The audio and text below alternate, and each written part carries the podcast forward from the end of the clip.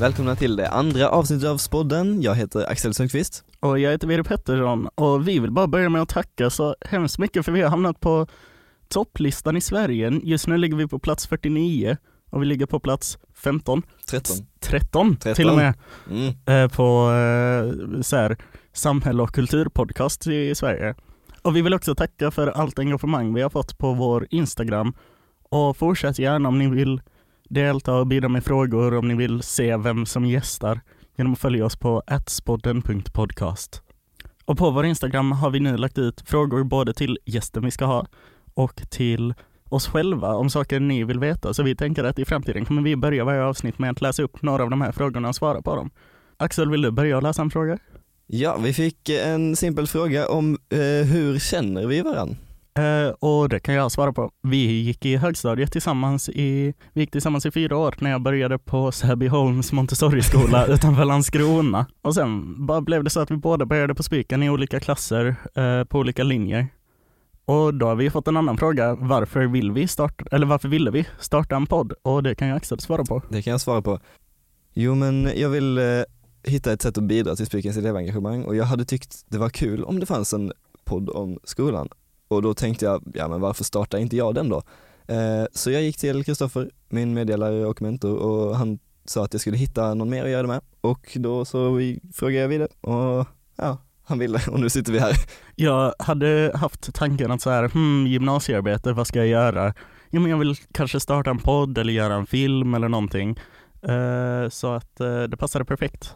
Och nu knackar vår gäst på dörren. Gästen i avsnitt två är ingen mindre än Spikens egna tomte eh, och eh, svenska journalistiklärare Lars Ahl. Hej hej, tack så Hej. mycket att jag fick komma. Ho, ho, ho, ho kanske ska jag säga också. Hur länge har du jobbat på Spiken? Stämmer det att det är 30 hela år? Det stämmer. Faktiskt just år 2021 så är det 30 år sedan jag kom till Spiken, hösten 1991. Vet du om du är den längst anställda läraren som fortfarande finns kvar på skolan? Eh, jag tror faktiskt jag är just nu den som har eh, varit lärare längst eh, sammanhängande på Spiken. Eh, jag har en kollega som heter Karin som eventuellt också har varit ungefär lika länge men ja, i stort sett så har jag varit här längst just nu. Häftigt. Och under 30 år så måste ju högskolan förändrats väldigt mycket, eller? Absolut. Eh, eller ja, både ja och nej. Alltså det är ju en hel del som förändrats. Dels är det ju sådana här saker som att eh, olika sorts eh, läroplaner och alltså innan hade vi det som kallas för linjer. Och nu sen har man gått vidare att man har kurser och sen hade man program. Så att det, ja, själva utformningen har ju förändrats väldigt mycket.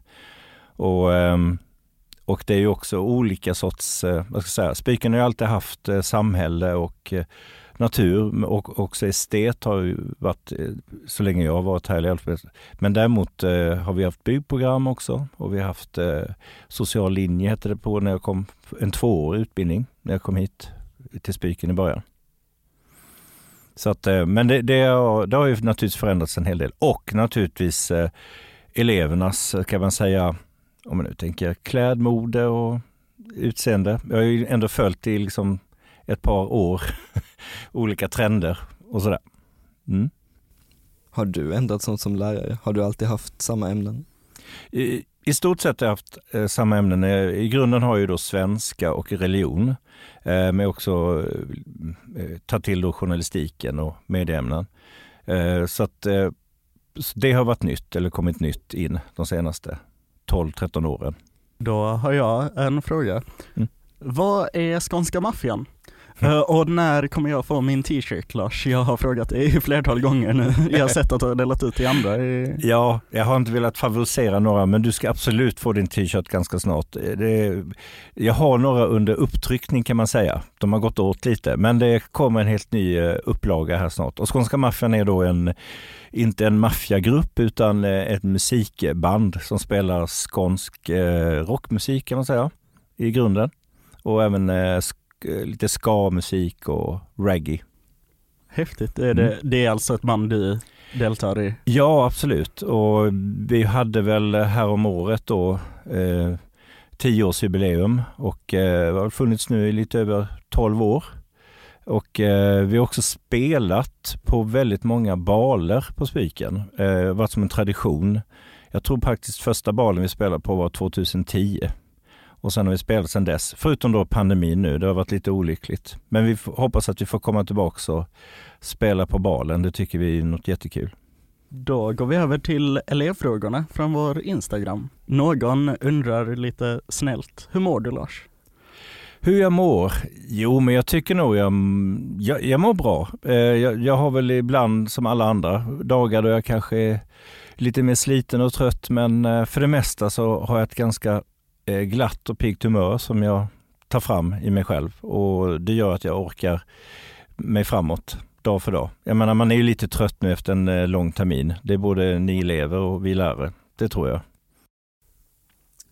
Eh, vi har en som undrar om din egen gymnasietid och vilken linje du gick och vad ditt favoritämne var.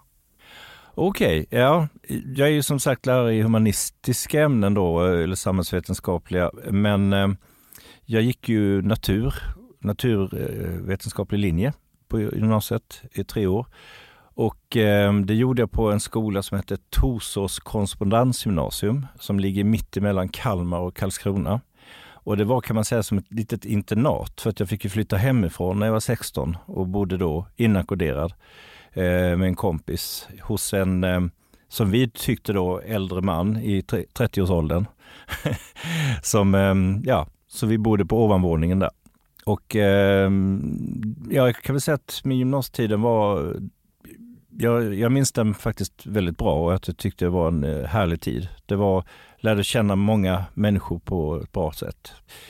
Eh, egentligen skulle jag ju ha favoritämnen som typ matte, kemi, fysik, biologi. Eh, nu gick ju de relativt bra, åtminstone biologin och fysiken. Eh, men sen senare upptäckte jag väl att jag hade rätt så mycket fallenhet för just svenska ämnet och eh, även religion som jag sen har blivit lärare i faktiskt. Och idrott hade jag faktiskt också som favoritämne då. Eh, ja, vi har också fått en ganska simpel fråga. Vad är det bästa med Spyken? Och, ja, det var inte så simpel egentligen för att det, är, det finns mycket som är det bästa med Spyken. Men eh, eh, eh, alltså ända från början när jag varit lärare här så har jag känt att det funnits någon typ av gemenskap, någon slags, ett tag kallade vi det för spikenanden, eller spikenandan egentligen, för anden låter som det är något spöke som går omkring korridorerna. Men eh, någonting som gör att, eh, som man säger, ändå sitter i väggarna. Att vi, en stor acceptans och att eh, de flesta känner att de har en samhörighet och kan känna sig, liksom, ja, få en gemenskap här. Och, eh, så att jag tycker, och den kontakt som också finns, tycker jag då, mellan elev och lärare, den gillar jag. Alltså att det finns ofta en direktkontakt och det är högt i tak. Bra att du kom in på andar och spöken, mm. för mm. någon undrar också vad den läskigaste upplevelsen är? Jag, tycker, jag är inte så lättskrämd men um, ja, och jag har väl inte sådär, jag vet inte riktigt vad jag ska svara på den frågan faktiskt. Har du blivit inlåst någon gång? Eh, nej, däremot har jag fastnat i hissen vid ett tillfälle. Det, det har jag gjort, eh, fast i det andra huset, inte här eh, där vi sitter nu, utan eh, i, vid moderskeppet om du förstår vad jag menar. Så ehm, där satt jag faktiskt ett par timmar innan jag blev utsläppt. Men jag lyckades, jag har, jag har en klaustrofobi så jag klarade mig. Men eh, det är inte så kul. Skönt att höra, vem skulle vi annars intervjua i andra avsnittet? Ja. um, en elev som antagligen då pendlar också via Helsingborg och Lund mm. undrar är det Lars jag ofta ser sova på tåget från eh, Helsingborg till Lund? Det kan det säkert vara. Um, jag passar ju på ibland och, ja, kan man säga, kontemple kontemplerar, alltså försöker komma ner i varv, både före och efter eh, jobbet. Så det tycker jag faktiskt är en bra sak med penningen. Ibland händer det faktiskt att jag sitter och rättar prov eller eh, någonting annat. Men rätt så ofta försöker jag bara lyssna på musik och ta, ta det lugnt helt enkelt. Och kanske då somna ibland. Eller meditera. Och en annan fråga, någon som vet att du har eh, jobbat i 30 år, vad har fått dig att stanna i de här 30 åren?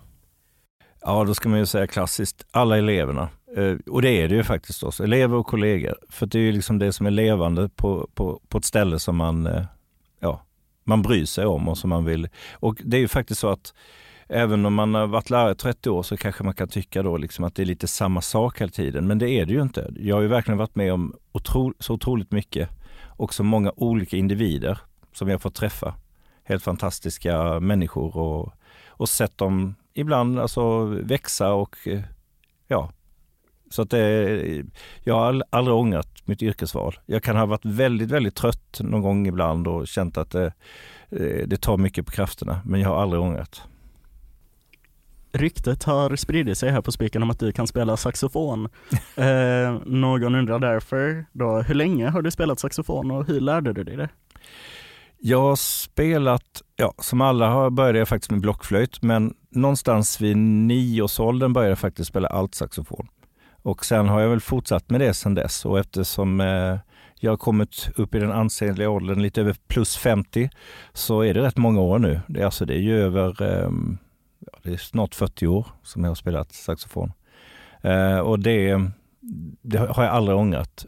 Eh, av den, jag brukar säga till de som börjar spela ett instrument att man har kanske en eh, period där någonstans i högstadiet att känna att det här har jag inte tid med eller det här är lite för jobbigt och man får öva mycket. Men kommer man bara över den tiden och liksom fortsätter, då är det bara glädje. Eh, då har man så mycket nytta av det. Jag tänker, en fråga var då, vad skulle du ge för tips för nybörjare på saxofon? Nu gav du ju ett jättebra tips. Mm. Har du några fler tips för en desperat nybörjare? Jo, jag tycker så här, alltså att ofta är det, när man börjar ett nytt instrument och kanske du också blåsinstrument där man inte riktigt har tonen och det låter ja, för jävligt helt enkelt. Så kanske man ibland får inte vara så, eh, vad ska jag säga, eh, svår mot sig själv och tycka att man ska klara saker med en gång, utan man måste få låta sig göra fel. Och framförallt spela till låtar. Alltså inte alltid gå efter boken och lära sig ton efter ton, utan försök helt enkelt att hänga med i låtar man hör på radio eller man, ja, på Spotify eller vad som helst. Eh, för det brukar ofta bli lite uppiggande att man helt plötsligt spelar med någon. Och skapa band naturligtvis. Det gjorde jag i gymnasiet faktiskt med uh, vårt uh, ja, första band där kan man säga. Är det Så. någonting som finns att lyssna på fortfarande? Um, det kan hända att det finns någon gammal videoinspelning på en kassett. Vi var faktiskt med i en tävling som um, man brukar köra runt i hela Sverige som är en musiktävling. Jag kommer inte ihåg om det hette Musik Direkt eller om det hette Musik, ja det var något, och vi vann faktiskt i, i den regionen i Småland då. Men eh, inte för att vi egentligen var bäst tror jag, utan för att vi var mest eh, entusiastiska och hade mutat publiken också naturligtvis. Frågorna går tillbaka till spiken och elever. Vem är den mest kända eleven du har haft? Oh, ja, det är ju några stycken. ja, men kan väl nämna alltså det, eh, det, mest kända, jag vet inte om det är Timbuktu eller Jason som är mest kända, men han har ju haft, han redovisade om Tupac för mig faktiskt i svenska. Um, även, även eh, en som heter eh, Nour El Refai, som ni kanske känner till, både som komiker och skådespelare. Och eh, också delvis eh, Jesper, alltså Jesper Röndahl. Och, ja, det är några stycken. Det är ju jättehäftigt mm. att det ja. har så. Mm. Och sen får jag väl också då som lärare i journalistik får jag nämna som jag tycker hon som vann eh, journalistpriset bara för några år sedan, eh, Matilda Gustafsson som avslöjade Svenska Akademins, kan man säga, baksida.